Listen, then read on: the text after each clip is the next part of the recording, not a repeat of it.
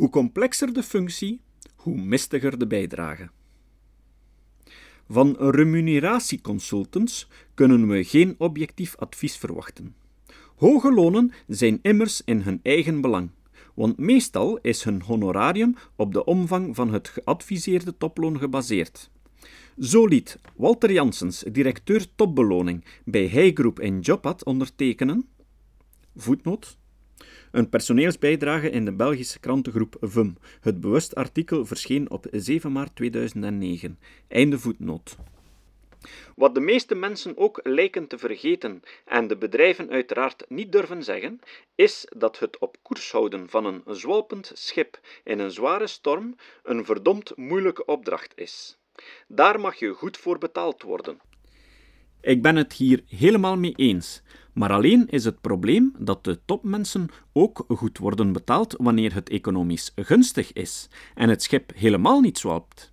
En dat ze in een woelige zee blijkbaar niet in staat zijn het schip op koers te houden. Zelfs als ze er niet in slagen, gaan ze nog met de kers op de taart lopen. Hij stelt tevens. Uiteindelijk werken we toch nog steeds in een systeem waar goede prestaties en verloning hand in hand gaan. Daar valt een en ander tegen in te brengen. Een element waarvan topverdieners in bedrijven zeker profiteren is dat hoe hoger in de hiërarchie, hoe minder men de individuele bijdrage kan meten. Het is gemakkelijk de inspanningen en de output van een kok, een lopende bandwerker of een metselaar te meten. Maar hoe meet je de inspanningen, het proces dat tot de output leidt, van een manager, Externe factoren spelen duidelijk een belangrijkere rol voor hun succes dan voor de werknemer onderaan de piramide. Toch worden ze soms gigantisch veel beter betaald, terwijl niemand kan meten hoe dit resultaat tot stand kwam. Meer nog, als de risico's die ze nemen tot een falikant verkeerde afloop leiden, zijn het de aandeelhouders die het gelag betalen, terwijl de managers zelfs nog bonussen krijgen. Volgens Mathieu Weggeman hoogleraar organisatiekunde aan de Technische Universiteit Eindhoven, ligt in onze kenniseconomie het moeilijkste werk en de grootste verantwoordelijkheid bij de professionals op de vloer. Bij de dokters, de rechters, de leraren, de ingenieurs, de rechercheurs en de R&D'ers. En de allermoeilijkste job in de kennisintensieve organisatie ligt bij de eerste lijnsmanager van een groep professionals. Citaat uit Leiding geven aan professionals, niet doen. Bladzijde 87. Hij vindt dat deze mensen dus het best dienen betaald te worden. Ook economieprofessor Paul de Grauwe van de Katholieke Universiteit Leuven, KUL, liet in de krant De Morgen kritische geluiden horen. Hij vindt dat de managers hogere vergoedingen krijgen als de economie goed draait en de beurzen stijgen, terwijl dat hun verdienste niet is. Deze manier van verlonen is onverantwoord. Citaat uit De Morgen van 6 april 2007. De enige data die in het voordeel van de veelverdienende CEO's, CFO's en andere chiefs lijken te pleiten, zijn de correlaties met de financiële prestaties die de bedrijven van zogenaamde toppresteerders neerzetten. Voetnoot. Zie het hoofdstuk over motivatie in mijn boek rond leiderschap. Einde voetnoot. Maar niet alle leidinggevenden aan de top zijn toppresteerders, en vele onderzoekers hebben vragen bij de manier waarop financiële prestaties in verband met één persoon worden gebracht. Hoe sluit men andere invloeden uit? Met andere woorden, hoe houdt men andere factoren, zoals aantal klanten, bedrijfsgrootte, economische toestand, competentie van de medewerkers enzovoort stabiel? Het schaarse wetenschappelijk onderzoek is methodologisch en statistisch niet overtuigend. Wie zich de moeite getroost de boeken van Nassim Nicholas Taleb te lezen. Voetnoot. En ook het hoofdstuk De oorlog om het talent in dit boek, zal ongetwijfeld tot de conclusie komen dat toeval een veel betere verklaring biedt voor succes dan de zogenaamde competentie of marktwaarde van topmanagers. We kunnen misschien eindelijk eens stoppen met denken dat deze mensen een economische glazen bol hebben. Dan zijn we meteen ook niet meer bereid hen voor dat gokspel zo gigantisch te vergoeden. In plaats van een verkiezing tot European Business Leader of the Year, manager van het jaar, marketeer van het jaar enzovoort, moeten we misschien de titel gelukzak van het jaar invoeren.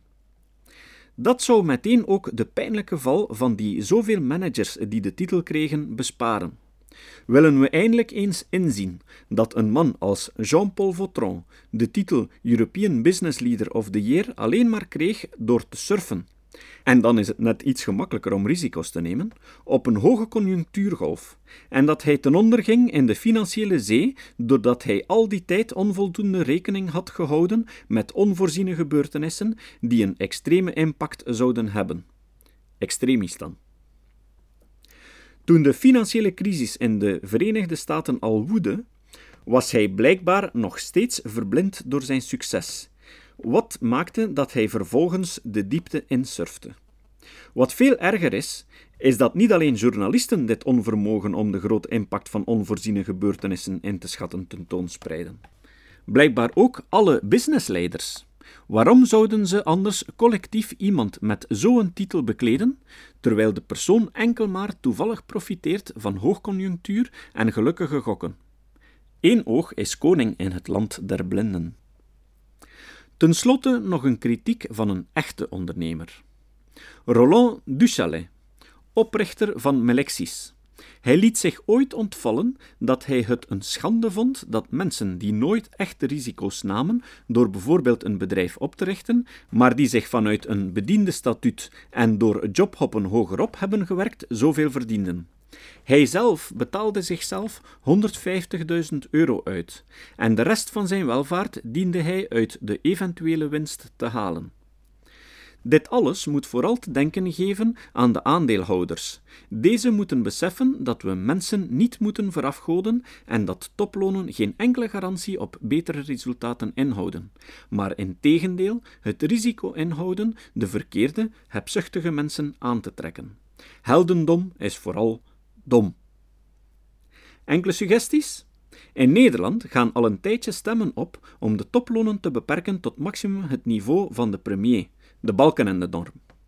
Op voorwaarde dat we deze politici wat beter betalen. Zou dit een fatsoenlijke wet zijn? Voetnota? In België bedraagt het loon voor het hoogste ambt, eerste minister van Rompuy, op dit moment 203.816,28 euro. In Nederland verdient premier Balkenende 158.000 euro en Barack Obama verdient als president van de Verenigde Staten 400.000 dollar, of omgerekend 293.479 euro. Bron, krant De Standaard van 11 en 12 mei 2009. Einde voetnoot. De verantwoordelijkheid van onze politici is immers vele malen groter dan die van een CEO met pakweg 40.000 werknemers. Wie 500.000 euro verdient, heeft nog altijd vele malen meer dan een gemiddeld opgeleide Belg of Nederlander. Een flinke bonus na 10 jaar goed bestuur kan voor mij ook nog. Hoewel het ook perfect geheel zonder bonussen kan, zelfs in de bankwereld. Zo bewijst Triodos Bank. Ik ben echter nog meer ingenomen met een norm zoals ze bij het Braziliaanse Semco Equipamentos Industriais hanteren. Het hoogste loon mag niet meer dan het tienvoud van het laagste loon zijn. Zo evolueert het loon mee met het succes van het bedrijf en de interne billijkheid.